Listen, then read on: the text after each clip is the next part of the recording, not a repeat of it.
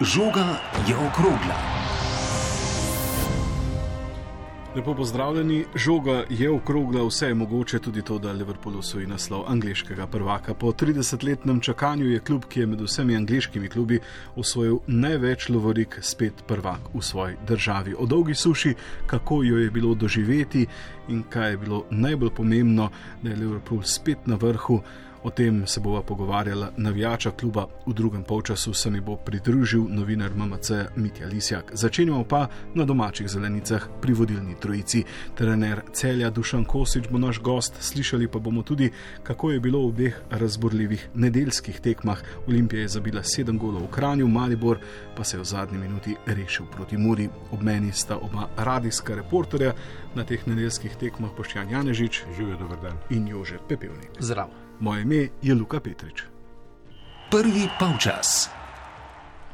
Začenjamo v Ljudskem vrtu, kjer je eh, Maribor znova osvojil tri točke, tokrat vse preko gladko, Jože. Ja, in tudi netipično za dvoboje uh, Maribora in Mure, ne, ki so znali biti, odkar se je Mura vrnila v prvo ligo, malce bolj zaprti, previdni, z manj goli. Priznam, da sem manj golov pričakoval tudi sam pred začetkom tekme, ampak potem ko je prvi gol Krecoja, takoj, oziroma prva akcija Maribora obrodila gol Krecoja, se je nekako vse skupaj odprlo. Maribor je v prvem polčasu igral bolje kot Mura, sploh v zvezdni vrsti je, se mi zdi, Akiroviču uspelo z vrhovcem Krecojem in Pihlerjem, nekako, um, kot je sam dejal po koncu tekme, to Murino energijo na sredini dobro izničiti in uh mhm. -huh. nekako pretvoriti v Mariborsko korist. Uh, Bajde je dosegel sicer Eurogol, ki ga redko, redko vidimo na slovenskih zelenicah, ampak potem je Maribor nekako v drugem polčasu odigral premalo, oziroma premalo, ne bom dejal borbeno, ampak mura je enostavno s tveganjem, spremembo tudi postavitve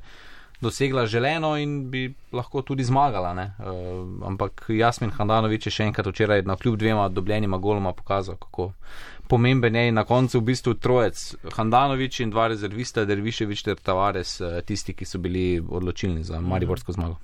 Z, zelo pomemben, torej Marko Tavares, ki je dosegel ta uh, zadnji gol. Je Kirovič je rekel, da je treba postaviti Marko Tavaresu na prenovljeni zahodni tribuni Kip. Ja, pa še bolj pomembno je to, da je dejansko Kirovič, ki zdaj ni dolgo časa v klubu, um, zelo zna biti um, trener odprt. Tudi z nami novinari, kar se tiče nekih, se mi zdi, malce odnosov v slačilnici ali pa te neke dinamike.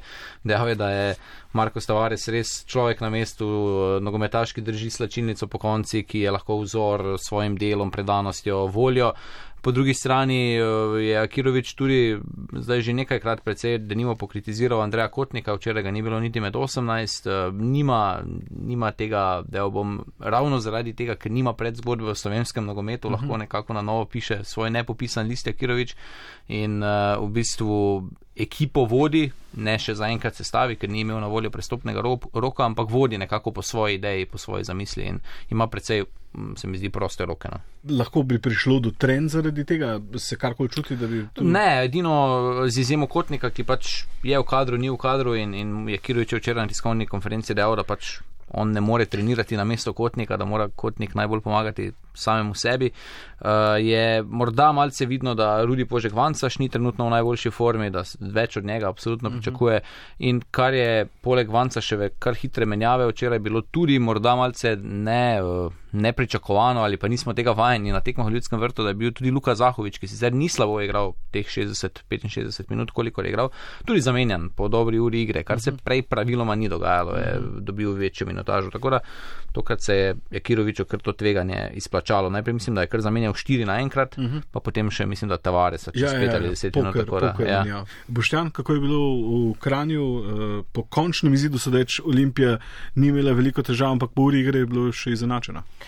Ja, Olimpija je dobro začela, potem pa so pri dve proti nič ljubljančani pomislili, da je tekme že konec, da bodo lahko široko igro prišli brez naprezanja do zmage, do treh točk.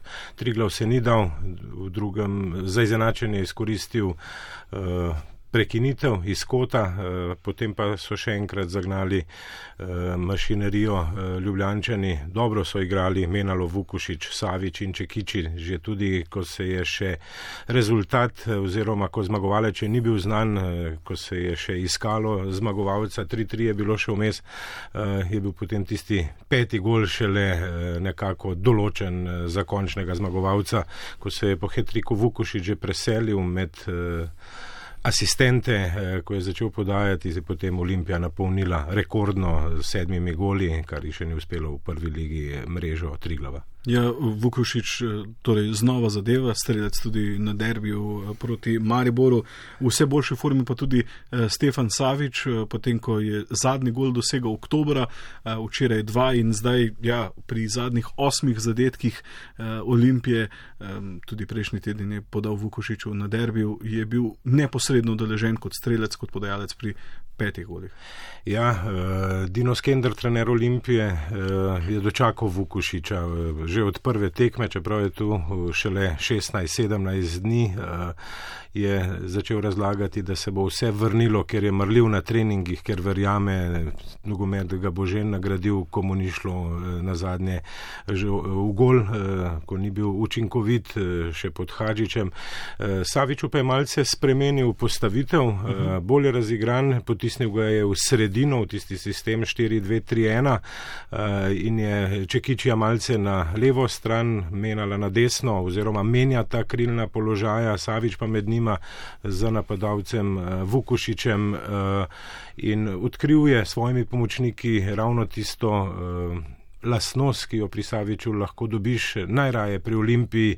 Savič igra, zato ni najboljši na krilu v globino s podajami za branilčeve vrste. Oba sta boljša s predložki, ko preigravata v strani in Čekiči in Menalo, še posebej Menalo. Uh mhm. -huh. Ravno, ja, podajo globino, odločila, da je bi prejšnji teden. Ja, Vukušič je zdaj pri 22 golih, ne? mislim, da že celo desetletje ni bilo najboljšega streljca v slovenski ligi z več kot 20 goli. Pa Vizinger jih ima 20. Ja, tako da, tako da imamo kar, kar bitko za, za prvega streljca. Se mi zdi, da, ne vem, če se bo Boštjan strinjal, gledal sem večinoma včeraj tudi Olimpijino tekmo, se mi zdi, da za ta running gun, kot je včeraj bil uh mhm. -huh. nekako v Kranju, imam Olimpija to ekipo nekako in res, ko, ko ji daš prostor, Savič, Vukošič, Čekiči in tako naprej, da znajo izkoristiti.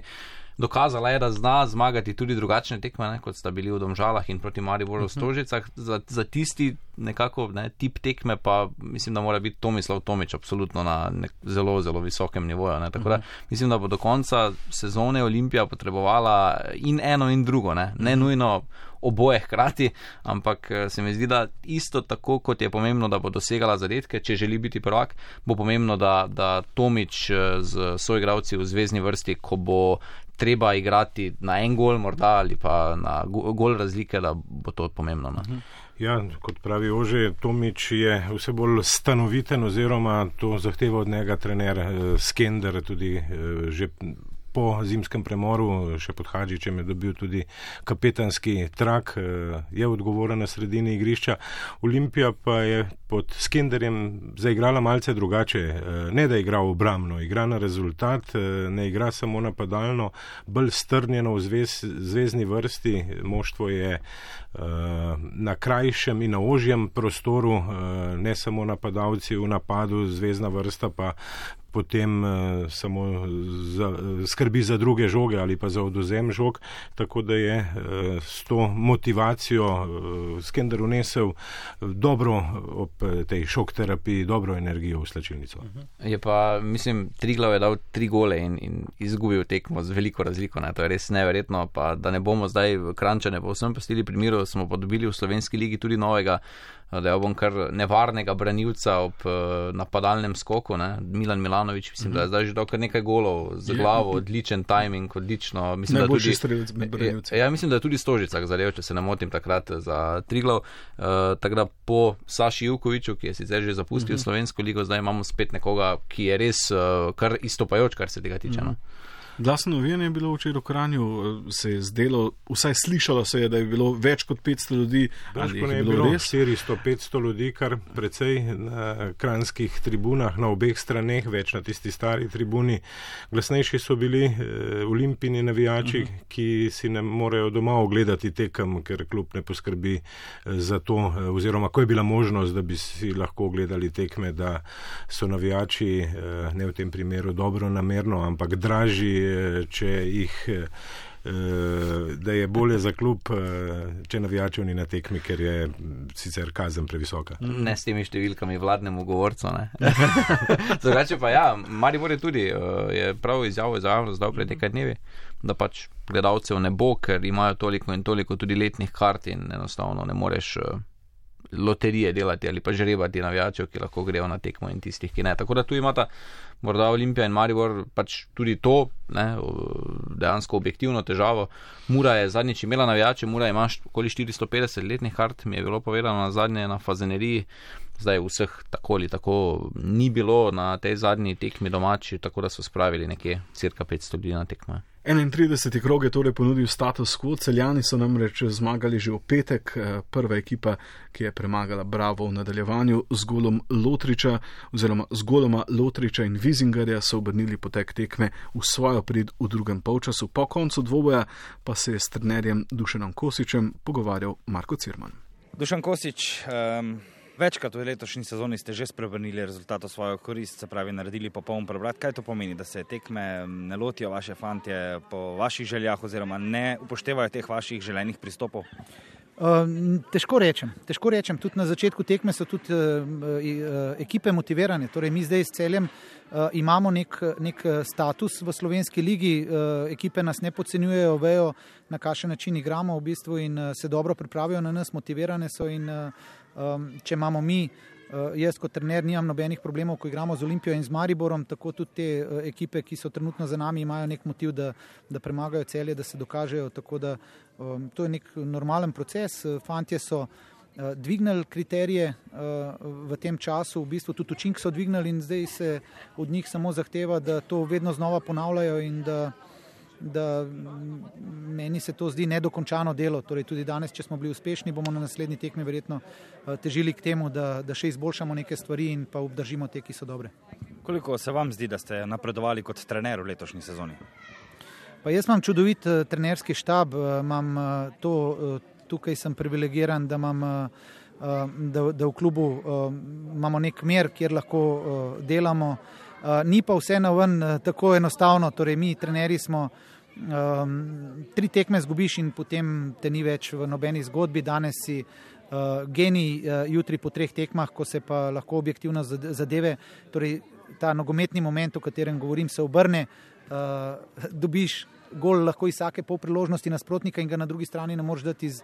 Iz desetih priložnosti, ampak zdaj, kot trener, nekako tudi um, razumem, da, da je fante treba samo na neke principe pripraviti in dobiti fante, ki so pripravljeni te principe izpolnjevati. Tako da, da um, ja, rezultat je tisti, ki te naredi pametnega in to trenerji dobro vemo.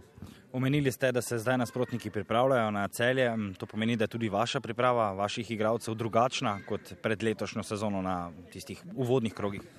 Uh, mi se, to kot trenerji radi rečemo, ukvarjamo bolj s seboj. Ne? Torej, mi uh, seveda analiziramo nasprotnike, uh, imamo, pa, pa, imamo pa nekaj zelo enostavnih principov, ki delujejo povsod, v vseh ligah uh, in se jih skušamo naučiti. In sem jih tudi jaz, bi rekel, nekako kot trener sprejel od, od lahko rečem, mojega mentorja. Um, in zdaj so mi nekako stvari šele jasne, potem ko, ko doživljam neke stvari na igrišču, vidim, da so zelo pomembne in da, da nogomet ni neka znanost. Uh, je pa znanost v bistvu ostati meren, takrat, ko ne gre. Mitja Lotrič, končno je lahko videli ta neizbrušen diamant, da se je pokazal svoje znanje. Kje se skriva skrivnost? Eh, torej, Mitja, Mitja je dvignil kriterije, torej tudi od mene danes. Jaz od Mitja pričakujem vsako tekmo, da bo nekaj naredil, da bo poleg tega, uh, ker eh, zdaj ga bom malo pošimfal, bom rekel, ker je že in Rudi in Mitja sta izjavila nekako, da, da jim daje trener svobodo. Ne. Uh, jaz bi rekel, uh, uh, nima ona, mislim, nimajo te fantje svobode. Te fantje morajo fajn zgraditi, morajo imeti svoje telesa pripravljena, morajo principe spoštovati. In uh, ker Mičo uspeva vse to, poleg tega pa še potem, ko je zmatran, ko mora neke principe izpolnjevati v igri, še zadane gol, to je, to je tista neka dodana, dodana vrednost, ki mene kot trenerja veseli, da, da bo ta mitja naš lahko šel na, na višji nivo in bo na tistem nivoju tudi ostal, da ga ne bojo nazaj vrnili po. po po dveh tekmah odigranih. Eh, ker mi tega ne vidimo, ker mi tega ne vemo, Mite Lotrič izvaja recimo tudi takšne mojstrovine na treningu. Kako poteka, trenirate skupaj z Darjem Vizingerjem vse te uh, odigrane čudovite kombinacije? Glejte, jaz, eh, jaz sem tudi igral nogomet in vem, da se ti včasih zgodijo zgodbe, niso tako pogoste, kjer se igralci enostavno začutijo. Začutijo tudi neko uh, iskrenost v klubu, neko dobrohotnost gor in seveda uh, trdo delo. Uh, potem uh, tudi tem fantom, oni so napredovali telesno in, in odrastali so nekako in uh, postali možakari, odgovorni, odgovorni igravci in so se seveda tudi med seboj povezali. Uh, jaz mislim, da je to privilegij, da oni igrajo en z drugim, se razumejo dobro in da so nesebični en do drugega in da jim zato nogomet tudi vrača. Um, pošteno ste se zdaj umešali v troboj za naslov prvaka, to zdaj ni več nobena skrivnost. Um, Fanti so srečni, ni pa čutiti tiste euforije. Kdo bo tisti, ki bo rekel, euforija je, zdaj bomo prvaki? Ne, danes smo imeli euforijo. Danes smo zelo težko tekmo, zelo organiziranim nasprotnikom uspeli dobiti in to je za me euforija. Poveselili smo, pokazali smo karakter, imeli smo zopet ta kanček sreče in, in to je tisto, kar nas polni. Mi moramo vsako tekmo tole ponavljati in, in samo danes je euforija, torej zadovoljstvo z upravljenim delom, jutri nas čaka regeneracija, prešteti se moramo, imamo nekaj objektivnih uh, težav tudi s poškodbami, o tem se ne želimo pogovarjati, ker iščemo rešitve in, uh, in seveda tisti igravci, ki so v kadru, cele imaš 23 igravcev in 3 vratarje, odlične in znotraj tega bomo najdel neke rešitve. Imamo cel kup nekih mladih fantov, ki bojo jutri mogoče za celje igrali in je lepo, da imajo koga gledati in od koga se na treningih učiti. Naša deviza je enostavna, da moramo na treningih maksimalno delati, da lahko to na tekmi pokažemo. Sta bili tekmi po rasu Murski soboti in doma remi proti taboru, nek impuls, neka preukretnica, dovolj hitro opozorilo za to, kar zdaj počnete? Ma, mi, smo, mi smo se šli v Mursko soboto nadigravati z Muro. Šli smo svojo, svojo igro odigrati. Nam se je zgodil en moment, ker je Mura vrhunsko tekmo odigrala. Torej, oni so briljantno odigrali in so nas eh, premagali, in smo se mi po tekmi potem tudi zavedali tega, da enostavno smo bili premalo kvalitetni za tisto muro v tistem eh, dnevu. Eh, tabor se je isto izkazal, so bili kompletni, so bili zelo neugodni, dokler nismo v zadnjo fazo igre prišli, smo imeli velike težave. Uh, tako da, da malo je bilo, torej tudi potem, ko smo se s fanti pogovarjali, ni, nismo bili mi to, toliko slabi, kot so bili tudi nasprotniki kvalitetni, ampak pri nas je uh, ponavadi tako, da se javnost bolj ukvarja z slabo Olimpijo, pa Mariborom, ne, ne pogleda pa, da mogoče je tudi nasprotna ekipa bila uh, kvalitetna na tej tekmi in da tudi tem ekipam, ki bi mogle biti soverene v slovenski ligi, ni enostavno igrati proti organiziranim ekipam. Vas to boli, ker uh, sta Olimpija in Maribor večkrat omenjena v boju za naslov prvaka kot celje? Ma ne, mene bi bolel, če Olimpija pa Maribor ne bi bila, uh, da bi bila rasuta. Torej, to sta gonilna uh, gonilni sili slovenskega nogometa. Če hočemo imeti uh, slovenski nogomet dober, potem uh, morajo, morajo gledalci in, in ljudje v Mariboru in v, v Ljubljani biti bit svojimi klubi in seveda sprejeti tudi še neuspeh gor, da, da kar, kar radi zelo. Kritiziramo, torej, uh, brez dobre olimpije in Maribora bo, bo slovenski nogomet seveda izgubil. Um, Igravci so seveda zdaj v izložbi po teh uh, dobrih rezultatih. Kaj pa vi kot trener imate seveda tudi kakšne više apetite oziroma večje apetite, više cilje v svoji karieri? Je že kdo potrkal tudi na vaša vrata? Torej imam uh, apetite uh, zmagati naslednjo tekmo torej, in dokončati. Jaz sem srečen tri leta v celju. Uh, imam čudovitega športnega direktorja v sebi, uh, imam ekipo, ki je mlada, ki je pripravljena delati, imam strokovni štab, uh, Jasmin Jerič, uh, um, Alen Jankovič, Amel Mujčinovič, uh, Robi Koren, uh, da ne bom še pozabil fizioterapeuta našega gor. Torej smo mehna skupina ljudi, uh, smo uh, predani, smo, smo glave razbijamo, bi rekel, v, v, v žargonu, uh, iščemo rešitve. Uh, in dajemo ljubezen tem fantom. No, jaz uh, včasih to ne izgleda, mogoče smo tudi v kakšni vojni z njimi, ampak uh, vem, da jih spoštujemo, da, da jim probamo neke svoje izkušnje. Tudi Sebastian Gobec, ki ima ogromno izkušenj. Torej smo neka, nek, neka tim ljudi, Nataška naša isto, uh, ki, ki, ki skrbi za nas. Tako, tako da smo, smo tako mehni, ampak smo res uh, uh, srčni in tudi. Verjamem, da ljudje v Sloveniji imamo kar nekaj simpatij, ker, ker želimo biti uh, dobri, želimo biti ambiciozni in tako naprej. Ampak manjka pa pika, ni, ne? celje ni ravno nogometno mesto, manjkajo navijači, pustimo zdaj to pandemijo in vse skupaj. Vse so se naši navijači vrnili, nekaj let jih ni bilo, ne vem, kaj je bilo pravzaprav razlog, ampak veste, kako gledalci pridejo tam, kjer se nekaj dogaja, kjer je neka vsebina in bojo prišli. Jaz verjamem, da, da, da se bo tudi mogoče celje zbudil, če, če, se bo, če se bo gor, ampak pravzaprav bi jaz bolj poudaril to, da je celje že tolika leta uh, stabilen prvoligaš, da je celje že naredil toliko in toliko dobrih zgodb, toliko in toliko dobrih igralcev. Torej, kljub vsemu, jaz uh, nekdo bi rekel, da celje ni uspešno, ker ne more vsak let v Evropo priti. Jaz bi to drugače obrnil, da je celje mogoče najbolj konstantna ekipa uh, trenutno s tem, uh, bi rekel, in proračunom in da se pravzaprav uh, tu čuda delajo in da se dobri igralci uh, od tukaj. Uh, delajo tako, da tudi v preteklih zgodbah eh, Simon in, in tako naprej. To so, to, so, eh, to so dobre zgodbe in na tem je treba praktično graditi, kdorkoli bo že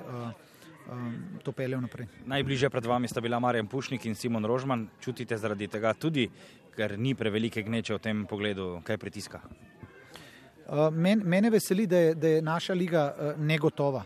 In v tej ligi, kjer ni slabih nasprotnikov, kjer ne moreš nekako vnaprej nekih točk upisati, je to, je to velik uspeh, da smo mi tako trenutno konkurenčni in uh, želimo enostavno tudi fantom, da, da jim ne gre glava nekam drugam, predno ne dokončamo ta, ta, ta posel tukaj v celju. Trenutno uživamo, trenutno moram reči, da v treh letih nisem šel enkrat z muko na trening oziroma pa smo že doživljali neuspehe, ampak uh, probamo tudi z igravci ugotoviti, zakaj smo bili neuspešni, probamo to popraviti in uh, in uh, zato sem danes jih uh, obožujem, sploh po taki tekmi. Mislim, da so uh, pokazali, da so vredni vsega truda za njih in uh, uh, jim želim vse najboljše in verjamem, da se bo iz te. Uh, Iz te ekipe, kar nekaj igralcev, lahko šlo na boljše kot je cele. In še zadnje vprašanje, Dušen Kosič, kot Ljubljančan, kako bi zelo bi si želeli, kako zelo bi trpeli in kako zelo bi uživali v zadnjem krogu boja za naslov prvaka, medsebojni obračun celje Olimpija. Koliko bi vam to pomenilo? Ne bi si tega želel. Pravzaprav, če bo pa prišlo do tega, bomo pa vse naredili, da usvojimo prvenstvo. Hvala in srečno. Marko Cirman se je pogovarjal z Dušanom Kosičem, Marko pa se mi je zdaj tudi pridružil, da dobro poznaš razmere v celju, prihajaš iz celja, tam si tudi treniral kot eh, mladi nogometaš. Slišal se je iz pogovora, da je celje zdaj predvsej bolj zdravo nogometno okolje kot pred leti, ko je bilo predvsej polemik in težav z lasniki. Kljub je zdaj stabilen, dobro dela, uspešno vzgaja in kupuje in to se na vse zadnje tudi pozna na igrišču. Lahko obrazložiš, kako se je ta zgodba v zadnjih letih sestavila? Ja, leta 2013 je klub eh, skoraj ugasnil, eh, šel skoraj po poti Olimpije. Tu ima absolutno seveda največji vpliv, da se to ni zgodilo. Darko Klarič, zdajšnji častni predsednik Brava, eh, posodil je takrat, mislim, da januarja leta 2013 celju denar. Zgodba seveda ni naključna, ko vemo, da je bil Klarič dolgo časa alfa in omega celskega kluba iz tistih legendarnih časov na skalni kleti, ko se je klub še imenoval Publikum. No, celjani so na to vrnili vrnili denar, takšen je bil tudi seveda dogovor. Eh, k temu je veliko pripomogla prodaja Benjamina Verbiča, mislim, da za 900 tisoč evrov, če se ne motim, danskemu Kebnhavnu. Eh, je pa to, da se je celje spečalo s sumljivimi Ukrajinci, ne? pravzaprav eh, velika šola za slovenski nogomet ne? in najbolj seveda za klub iz knežjega mesta. Ne? Celjani so. Pol, ko so vse skupaj resetirali, začeli skoraj znova, ne, sledila je ta, to leto 2017 ta saga s trenerjem, potem Igorjem Jovičevičem, ki je obtoževal vse poprek, padali so maili, padali so klici, eh, da se mu dogaja mobbing, rekel je, da so mu v klubu povedali, da ni denarja za plače, potem je celje odgovorilo eh, z nekim javnim statementom oziroma z neko uradno objavo, nasledil ga je potem Tomaš Petrovič, ki sploh ni bil trener, pač pa je bil nek menedžer. Skratka, to so bili res eh, turbulentni časi, tudi potem, ko je klub pravzaprav že bil rešen. No, um, takrat je bilo pa seveda nujno uh, treba postaviti stabilno šolo nogometa. Ne. Jaz še vedno mislim, da je to osnova vsakega slovenskega kluba, tak bi mogli biti, no, vsaj po mojem mnenju. No. Uh, pri tej reorganizaciji pa je bil že takrat pomemben člen Simon Rožman, ki je postal uh, vodja šolskega nogometnega centra ŠNC-ja in uh, pozneje tudi glavni trener celskega moštva. Tudi takrat cel je zelo blizu naslovu prvaka z Verbičem, Vrhovcem, Miškičem in ostalimi. Na vide se zdi, da je zdaj krvna slika kluba dobra, da gre za zdravo okolje, neuradno sicer. Pa ne bi bili v okolici kluba še vedno Ukrajinci, nisem pa prepričan, če še vedno isti ljudje. Ampak na uho mi je sicer prišlo, da še vedno neko sodelovanje obstaja med županom Bojanom Šrotom in pa vlagatelji. Ampak če že, še enkrat povem, to so neuradne informacije iz ulice, pa zagotovo to sodelovanje ni zastavljeno tako napačno, kot je bilo leta 2012 oziroma leta 2013. Kljub ja, kot sem rekel, deluje v okviru svojih zmožnosti, športni direktor Branko, Ver, Branko Veršič je imel kar srečno roko no, pri izbiri igralcev, manjka po celju, kaj bi rekel. Tisti pravi nogometni utrip. Ne, ne vem, koliko točk bi moral celje zbrati, da bi se po mestu začel govori, začelo govoriti o nogometu. Ne. Rokomet je bil v našem mestu vedno šport presežkov, z odhodom skalne kleti pa se je nekako na prevelikem stadionu izgubil tisti duh povezanosti navijačev, stalnih, tistih starejših. Um, Mlajše generacije, recimo, gledajo nogometne po televiziji, gledajo Real, gledajo Barcelono popovdne zvečer, pa ne pridejo na tekmo svojega kluba. Ne. To je absolutno narobe, ne, ne samo v celju. Spomnim se, ko si Luka omenil, da sem igral aktivno nogomet v tem klubu, da so te kar po strani gledali, če si v ponedeljek na treningu povedal, da te ni bilo na nedeljski tekmi. Ne. Tak tak smo pa vsi tekmovali takrat, kdo bo pobiral žoge, tako da se je to redko da je sploh zgodilo. No in to manjka celju. Ne. Celje ne more zmagovati na krilih navijačev, ne. lahko pa zmaguje na krilih lastnega nekega navdiha. Ne. Včasih rečemo, da je pritisk javnosti prevelik. Mi v celju pa si kar želimo, da bi ta pritisk, to pričakovanje bilo prisotno. Malce se je sicer premaknil na bolje s tem, ko so spet tribune zasedli navijači, torej da se je vrnila navijaška skupina celski grofi. Skratka, malo sem zašel v celju, no, se žal ravno ne živi za nogometno, bolj potihoma je zdaj spet kljub tretjič tako blizu naslovu prvaka po Marjanu Pušniku in Simonu Rožmanu. Ne. Ja, kot si omenil, ekipa močna zdaj, tudi zaradi nekaj eh, izstopajočih posameznikov. V pogovoru ste izpostavili Lotriča, tisti, ki je gonilna sila ekipe in tudi kapetan celja pri 25, eden najboljših igralcev v slovenski ligi. Njegova pot od obetavnega najstnika do zdaj nosilca, na katerega se lahko celjani skoraj vsako tekmo zanesejo, pa ni bila zelo kratka. Ne, Mičo je zamenil kar nekaj klubov, ne, začel je seveda v svojem rodnem prekmurju, v Muri, tam ni dobil neke, mislim, vse njegova minutaža takrat tudi ni bila slaba drugi, najprej v prvi sezoni v drugi ligi, 10-11, pa potem 11-12 v prvi ligi z Muro, ne, ampak pač ni, ni, ni, enostavno ni zablestel, premlad je bil najbrž, ne, zdaj je pa očitno našel ta svoj nogometni mir. Um, kolikor se pogovarjam, jaz sicer mi te ne poznam uživam, oziroma osebno, ampak kar se pogovarjam s temi okoli kluba, je to nekako. Ne bom rekel, fakin, živahen človek, ki ga je treba nekako vse čas brzdati, usmerjati, vse se tudi po načinu igre vidi, ne? je tak živc, bi lahko rekel, skozi išče prostor, išče žogo, že njegov način teka, to drobljenje korakov, nizek je, ne nizko težišče ima, že to nekako naznanja, da ni ravno, lahko bi rekel, lenuh v življenju, ne? ampak vse čas išče, išče, išče prostor pod soncem, bi lahko rekel, ne? in tega prrudarju pa eh, potem tudi na Cipru ni dobil, ne? na Cipru je odigral štiri tekme, zdaj pa Dule je pa zdaj iz njega potegnil največ, kar se da. Ne. Sicer tu sta si zelo nasprotna. Ne. Mitja pravi vse čas, da mu trener pušča svobodo, potem pa, ko predstaviš mikrofon k Dušanu Kosiču, pa pravi Kosič, da nogometaši nimajo nobene svobode v igri, da tu je veliko dela, veliko teka, ogromno obveznosti imajo. Ne.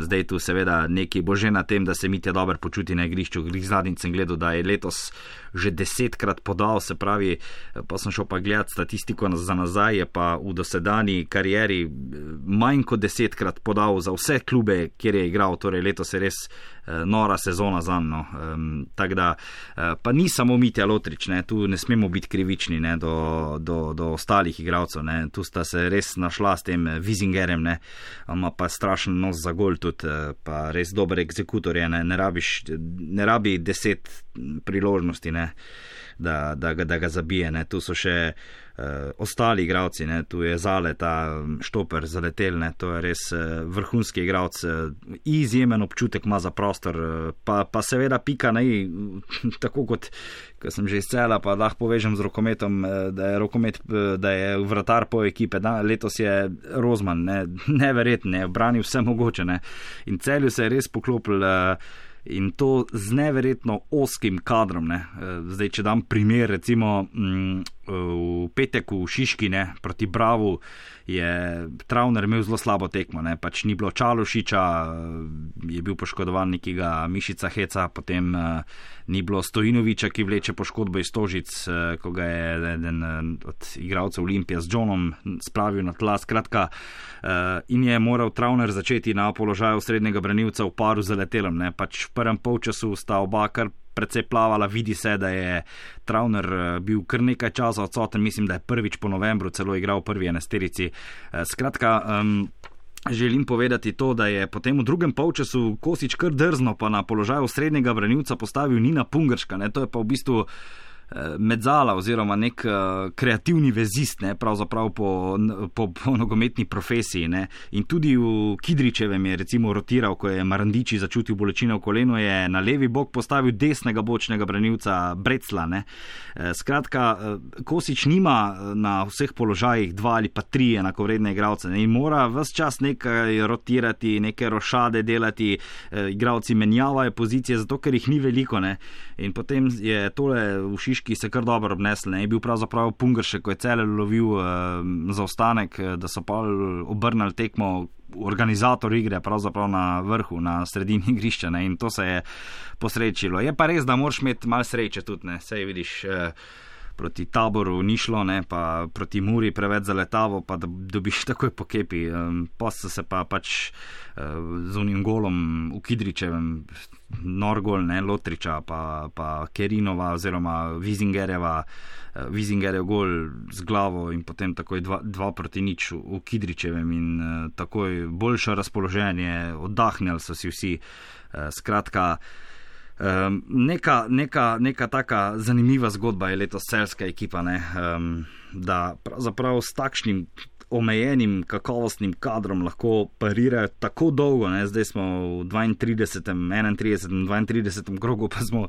pravzaprav. Uh, še vedno blizu. Ne? Mislim, pač vse eh, Olimpija, pa Maribor, Mata, karkoli da Skender v igro ali pa je Kirovič v igro, je dobro. Ne? Ni tu neke rošade, vsak lahko igra na svojem položaju, tam, kjer si trenere zamislite pred celju, pa kot sem povedal, moraš zelo velik med domišljije in tudi srečne roke in dušanjo ima letosno. Drugi polčas. Vdaj žoga je okrogla, pa zdaj na otok, konec je čakanja. Liverpool je po 30 letih spet angliški prvak, zato danes v rdečih, ne le en navijač Liverpoola, ampak dva, z nami je namreč novinar MMC, torej spletne strani RTV SLO Pika.si, Mitja Lisjak, ki že dolgo navija za Liverpool. Živijo, Mitja. Zdravo, hvala za povabilo. Ja, končno se je zgodilo, ampak v precej nenavadnih okoliščinah. Ne. Prvenstvo je bilo že dejansko zdavne odločeno, uh mhm. -huh. pa je bilo treba zelo dolgo čakati na razplet zaradi koronavirusa, hkrati pa življenje tudi ni v nekih ustaljenih tirnicah zaradi COVID-a. Kako si vse skupaj prejšnji teden doživel, ko je čas si premagal City in je Liverpool tudi teoretično postal prvak? Uh, ja, predvsem je odleglo. Uh, v bistvu v času pandemije se niti ni vedela, se bo liga dejansko nadaljevala ali ne. ne? Mm. To je bil v bistvu eden izmed problemov, uh, ker v Franciji so pač prekinili dobro redu, um, Paris Saint-Germain je bil prvak. Tudi v Angliji bi se to lahko zgodilo, lahko bi pa enostavno razveljavili sezono. Ne? Tako da v bistvu sem bil zelo vesel, vesel, da se je sezona nadaljevala. Um, ja, kaj pa premagal uh, Chelsea, Manchester City in s tem Liverpool tudi teoretično osvojil naslov, je bilo pa Uh, veselje je nepopisno. No? Mm. Končno, po vseh teh letih, ki si vsako sezono rečeš, da bo pa naslednja sezona naša sezona, to je Next tista year. pregovorna skorne. Mm. Uh, končno je ratalno. Sicer pa meni bo mal, mal z grenkim priokusom, ker um, zdaj v času pandemije sem očeta zgubil. Mm. Uh, s katerim smo vedno gledali uh, Liverpool zadnjih 15 let in nekako nisem mogel tega proslaviti z njim, no? mm -hmm. glih zdaj. Um, ampak uh, ja, na- načeloma pa ja. Uh, izjemno sem bil vesel, no, da je končno ratar, ker v neki točki sem že mislil, da jaz tega ne bom nikoli doživel, ker je bilo toliko že enih uh, dogodkov in pripetljajev, ki so šli v breme Liverpoolu, da enostavno na koncu pač mal skoraj verjameš v prekletstvo. Ne? Pa hvala Bogu se je to prekletstvo zdaj dvignilo. da. Moje sožalje, eh, Hvala lepa. lepo pa, da se je vsaj ta vesel dogodek ja. zgodil zdaj v zadnjih tednih. Kdaj v teh 30 letih ja, je bilo najtežje? V teh eh, sezonah, ko je bilo veliko bližnjih srečanj z, z kantom, nikoli je ni Eh, Liverpool osvojil. Dejansko takrat, ko je bil najbližji, niti ni bilo najtežje. No. Uh -huh. uh, najtežje je bilo definitivno, ko sta, ko sta bila lasnika kluba George Gillett in Tom Hicks. Uh -huh. Z njima vred Roy Hodgson, trener. To je bilo eno izmed daleč najtežjih obdobij, ker se res testira tvoja pripadnost klubu. No. Mm. Sicer itak bi vedno za Liverpool stisko pesti, kakorkoli že, no, ampak ti se bilo res težko obdobje, no, ker enostavno na čelu kluba imeti lasnika, ki sploh ne verjame v klub, sploh niti ne, nimate nobenih um, zdravih namenov s tem klubom. Uh, imeti trenerja, ki je popolnoma izgubljen v prostoru in času, um, nima niti izkušenj z velikimi klubi, no, niti ni imel, čeprav je bil trener Inter Milana. Uh, ti se je bilo zelo težko, no, tudi igra je bila zelo, zelo um, težka za gledati, uh, okrepitve, ki to niso bile. Oh, Kristjan uh, Polsen, Pol Končeski. Končevski, ja.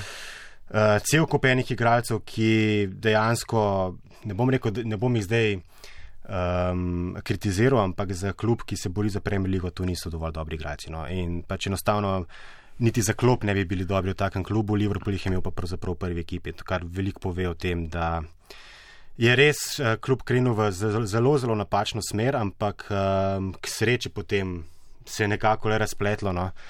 Uh, tako da se je tudi lasniška struktura spremenila, potem je prišel Kenny Dalglish, malo se je skupaj dvignil in k sreči potem je to nekako splavalo do te točke, na kateri smo zdaj. Ne. Gillette in Hicks sta v bistvu v tistem obdobju vzela uh, kredit uh Mhm. -huh. in sta uh, klub postavila za hipoteko. In Tako. potem sta iz kluba jemale denar, da sta odplačevala kredit. Tako. Uh, in sta ja, na takšen način uh, skušala čim več zaslužiti, Mhm. ampak hkrati zniževala vrednost kluba in se je klub potem za precej malo denarja uh, prodal naprej novim Mhm. lastnikom. Uh, če pa gle- gledava in greva skozi to 30-letno obdobje, je bilo presenetljivo, kako hitro je Liverpool takrat v bistvu padel na začetku uh -huh. uh, Premier lige. Uh, Kenny Dalglish uh, je z, uh, v leta 90 torej, uh, osvojil uh, naslov, ta uh -huh. zadnji ligaški pred letošnjim, potem pa uh, kmalo odšel iz kluba in je prišel Graham Sunes, Ja. uh, ki ni imel uh, ja, uh, Srečne roke pri Ne najbolj. ukrepitvah in tako naprej. Ja, tudi skušal je vzpostaviti neko drugačno eh, ja, neko hierarhijo, uh Mhm. -huh. bolj trdo moč, uh, s trdo roko uh, vladati v klubu in ja, ni bil najbolj uspešen. Mislim, da v Liverpoolu v tisti prvi premier ligaški sezoni, to je 93-94 uh -huh. ali 92-93, ja. ja, 92-93, je marca bil le tri točke oddaljen od boja za obstanek in potem mislim, da le 10 točk bil pred eh, Ja, ja. 18. mestom v ligi. Potem pa vsak trener od takrat naprej, ne? in Evans leta 97, uh -huh. in pol Ulije 2-2, uh, precej drugačna zgodba pri obeh, uh, in potem, ja, če gremo naprej, Benitez pa Rogers. Uh -huh. uh, vsi so imeli eno lepo, dobro priložnost, ko ja. So bili zelo, zelo blizu. Katera od teh sezon ti v bistvu eh, si se jo najbolj zapomnil? Uh, od teh sezon, definitivno sezona 2008-2009, uh, ki je bil Liverpool blizu naslova, na koncu ga je osvojil Manchester United. Uh, dejansko problem Liverpoola, jaz bi rekel, v Premier League je bil predvsem vedno ta, da ni imel uravnotežene ekipe. Um, zdaj nap- napadalce relativno je imel vedno močne, dosti mm. močne. Obramba je bila problem. Ne? Potem imaš sezone, ko je imel obrambo dosti dobro, pa napadalci niso bili mm -hmm. ravno dobri. Ne? Uh, tako da ta ura- neuravnoteženost jih je tepla. V sezoni 2008-2009 je bila ekipa dokaj uravnotežena, uh, bila je zrela za naslov, ampak enostavno.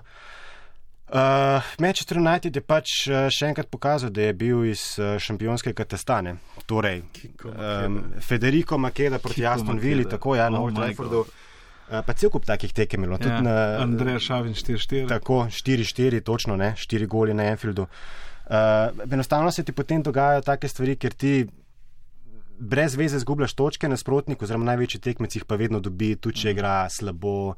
In to je tisto, kar je Liverpoolu pravzaprav manjkalo vedno, da ko igra slabo, je skoraj vedno bil ali remi ali poraz. Mm -hmm. Zelo redko je, bil, je, je bila zmaga. Ne? In uh, v zadnjih sezonah se je pa to dejansko obrnilo ne? in je to tudi mogoče zdaj. Razlog, zakaj po 30 letih končno tudi mm. naslov prišel uh, uh, na Enfield. Ne? Meni, meni se je zdela tista sezona 2014 s Suarezom in uh -huh. Ja. z Rogersom. Uh, takrat se mi je zdel, o, zdaj nam bo pa res morda Ja. ratal. In je potem Gerard uh, slavno Spodrsnil, nekaj tednov potem, ko je po zmagi proti Manchester Cityju zbral celo moštvo in rekel: Ja. Let this not slip, Tako. pa še eno kletico Ja, ja, ja. Uh, in potem, ironično je ravno njemu zdrselo in uh, padel, pa je potem. Uh, To so te. Liverpoolove zgodbe, klasične. Uh. Uh, moram pa reči, da je, da je celotna pot Ja. Da je cilj zdaj lep in fajn in super uh Mhm. -huh. in da best, ampak celotna pot je pa ne bi za ničesar zamenjal. Se mi zdi, da je bilo lepo. No? Uh, Kakorkoli obrneš, je bilo lepo. Pa tudi, um, kaj pa vem, nekako se zablokuje tudi potem, ne vem, kako bi to rekel, karakter kluba, uh, karakter navijačev. Um, preprosto uh, se mi zdi, da zdaj ta naslov se veliko bolj ceni, kot kar, ne vem. Recimo naslov Manchester City lani, uh -huh. ali pa takrat, ko je osvojil 100, 100 točk, pa je, bil, pa je podaril rekord po številu točk. Um, enostavno se ta naslov, po mojem mnenju, ne more primerjati uh, Liverpoolov. Ne? Um, ker je bilo toliko enih uh, let, enih razočaranj, um, slabih rezultatov, čudnih stvari. Um, jasno, problem je bil tudi to, da s zatonom Liverpoola istočasno je bil tudi veliko spol Manchester United. Mm. In uh, tista zlata generacija, ki je pred sabo rušila praktično vse, ne? edina ekipa, ki se je takrat postavila po robu, je bil Arsenal, vse ostalo je bilo bolj kot ne Sporadično. drugorazredno. Ne? Uh, tako da je bilo zelo težko kot Liverpool navijač nekako. Po domači povedano, sfurati vsa ta leta, no, ampak uh, le, kdo, kdo dočaka, dočaka. Mm. zdaj se lahko veselimo. Ne. Na, na, na hrbtu imamo pa še seveda evropski naslov, naslovstvenega prvaka in tako naprej. Ja, To je sej- pa sploh sej- ekstra. Ravno to, uh, David Squires, ki je uh, ustvarjalec stripov v Mhm. Gardenu, je uh, tudi strip ustvarjal v teh 30 letih in uh, ja, tudi malce ironično uh, zraven pripisal, da je ja, 30 let čakanja, ampak vmes pa je bilo 18 lovorik, ne? tudi dvakrat je Liverpool postal evropski prvak, tako. Ja. da je bilo veliko tudi trenutkov uspeha znotraj tega dolgega, sušnega ja. uh, čakanja, da vendarle ni bilo tako hudo, uh, kot, uh, kot se je zdelo.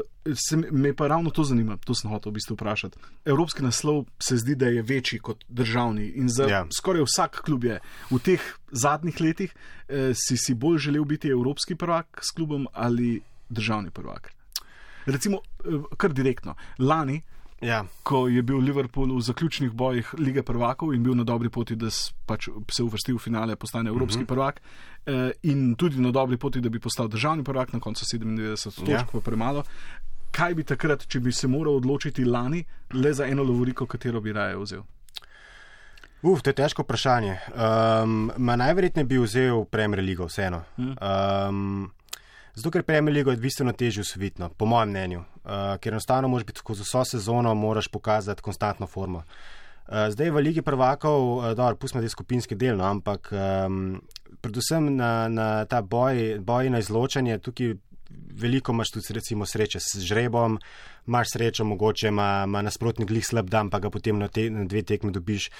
Um, Medtem ko Premier League enostavno, da bi imel neko srečo, ne, pač enostavno moraš biti dober eh, skozi vso sezono. No. In se mi zdi, da vsaj za me um, je ta Lovorika bila tista zadnja, nek svet igral, no, uh, ki jo je bilo treba usvojiti. Ker v končni fazi leta 2005 sem že videl Liverpool usvojiti mm. naslov ruskega prvaka, sicer je to naslov, ki ima, ki ima kar dosti dol, dolgo brado, ne. Um, ampak vseeno sem že videl, videl sem igrati Liverpool v finalu.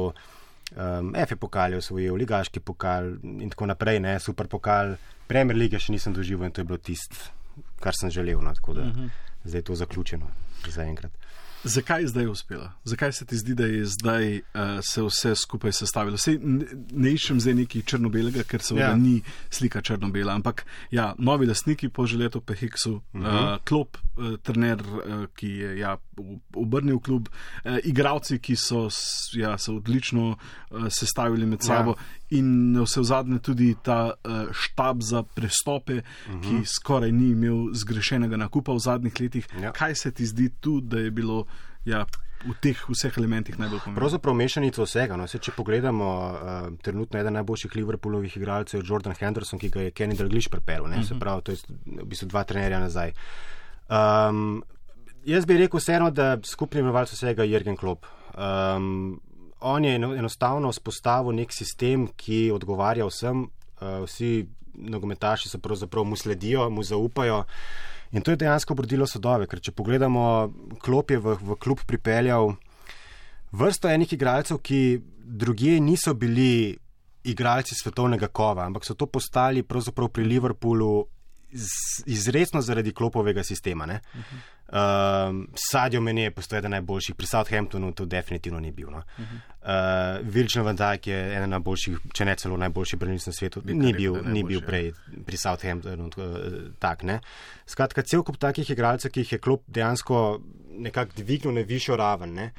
Um, to pa seveda to, kar sem prej že omenil, ne, da enostavno, ko igrajo slabše, nekako najdejo tisto pot do zmage, kot mm -hmm. recimo letos proti Aston Vili na Vila Parku, kjer je, so še ne vem, do 89 minut so ena nič zgubljali, pa so dva ena zmagali. Mm -hmm. uh,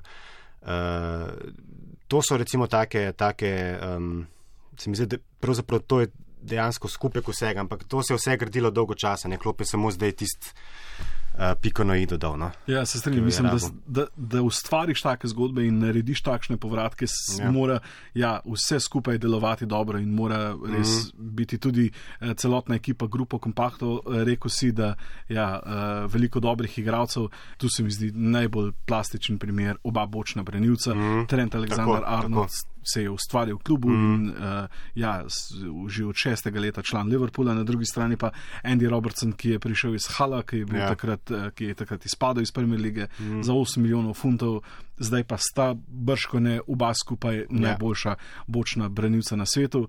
Um, in odlično v napadu, ja, obrneš. Največ asistenc v zadnjih mm. letih uh, med bočnimi branilci sploh, pa tudi ja. sicer ogromno v ligi pri vrhu na tem spisku ta napadalna trojica je izjemna. Zraven pa ta delovska sredina, garaška, ja. a hkrati še vedno dovolj ustvarjalna, uh mhm. -huh. da se vse skupaj, ja, da se je odlično zložilo. E, nekaj besed pa še o tem e, štabu, ki skrbi ja. za prestope in res, ja, od takrat, ko je klub prišel v klub um, skoraj brez zgrešenega nakupa. Torej, ja. uh, omenil si že Maneja, mhm. omenil si Van Dajka, ki je ja. v mnogo čem preobrazil klub. Um, Alison Baker, recimo. Tudi, ja, ve, ravno Alison Baker je mm -hmm. rekel: All we need is Alison Baker. Ne vem sicer po, po uh, kateri pesmi že, ampak. Ja. A ja, all, all we, we need is Alison Becker. Yeah. Ja. Se je klop, mislim, da takrat, ko so se veselili uh, ali lani evropskega naslova, pa tudi letos, tudi, tudi letos ga je ja. izpostavilo. Ja. Mm. ja, ogromno teh zelo dobrih nakupov, ker treba se spomniti, da čeprav je Liverpool pač ja, uh, velja za enega največjih klubov mm. in seveda v Angliji in na svetu, denarno še vsaj do zdaj yeah. Ja. ni bil na nivoju Chelsea, Cityja in Uniteda. Udaraš tega, ja. In je bilo treba biti zelo učinkovit uh, pri uh, novih ukrepitvah. In ja, ta, ta ekipa, torej Michael Edwards kot nekakšen športni direktor, ja. uh, Tom Warner kot uh, šef iz Amerike, iz Amerike pa še, mislim, da je Tom Moore, Tom Moore ja. je pa CEO, torej mm -hmm. uh, predsednik kluba, uh, torej veliko. Uh, Dobrega znanja in uh, uspešnega uh, trgovanja, zato ja. da je lahko Liverpool prišel kamor je prišel. Predvsem me veseli to, da je klub uh, nehal um, kupovati tako imenovane igralce za prihodnost. Tega je bilo v preteklosti ogromno. Imeli smo same neke nove Patrike Vjere, pa ne vem kaj vse živo, ki se ni izkazalo za nič. Um, to je bilo sploh pod Rafaelom Benitezom uh, zelo, zelo popularno. No. Um, vesel sem predvsem to, da se kupuje tisto, kar se točno rabi.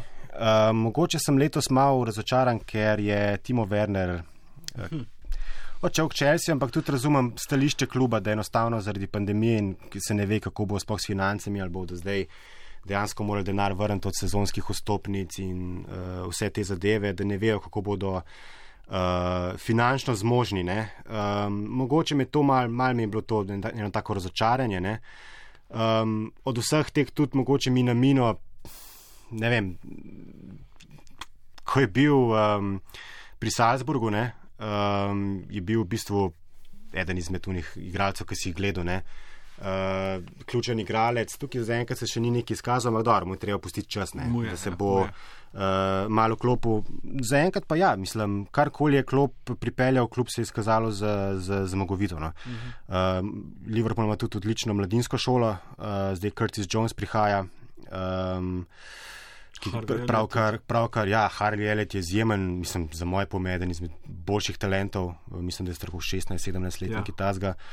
Um, tako da dejansko prihodnost kluba je svetla, no? zdaj samo vprašanje je, da zdaj mogoče malo preveč ne pregledam, koliko časa bo klub še ustrajal, ne? ker dejstvo pa je, da biti trener Liverpoola je pa stresno, ne? to pa ni lahka, lahka služba. In...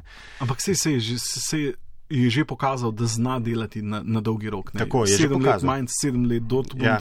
uh, podpisal do 2024, mm. dobro se počuti v Liverpoolu, uh, večkrat je to že povedal, tudi ljudje ga imajo radi. Absolutno. Se zdi tudi, da ima on uh, rad okolje v smislu, da vidi, da zadovoljuje in razveseljuje ljudi, ja. hkrati pa ni to vem, mega mesto, kjer bi na vsakem koraku ga, mm. uh, vem, bi imel sto paparacijev ob sebi. Tako ja, ja. ima tudi neko zasebnost, več, ja, zasebnosti. Mm. Ki pa se mi zdi, da je tudi njemu zelo pomembno. Zelo mu je pomembno, ja, se to je že večkrat podaril. No. Uh, njemu je tako važno, nogomet mu je pomemben, predvsem zato, ker ljudem, ki imajo razno razne težave ali pa kakršne koli uh, tegobe, enostavno prinaša vsaj tisto uro in pol, dve uri nekega miru, da se enostavno se sprostijo in če še pač Liverpool zmaga vmes, mu je to toliko pomembneje.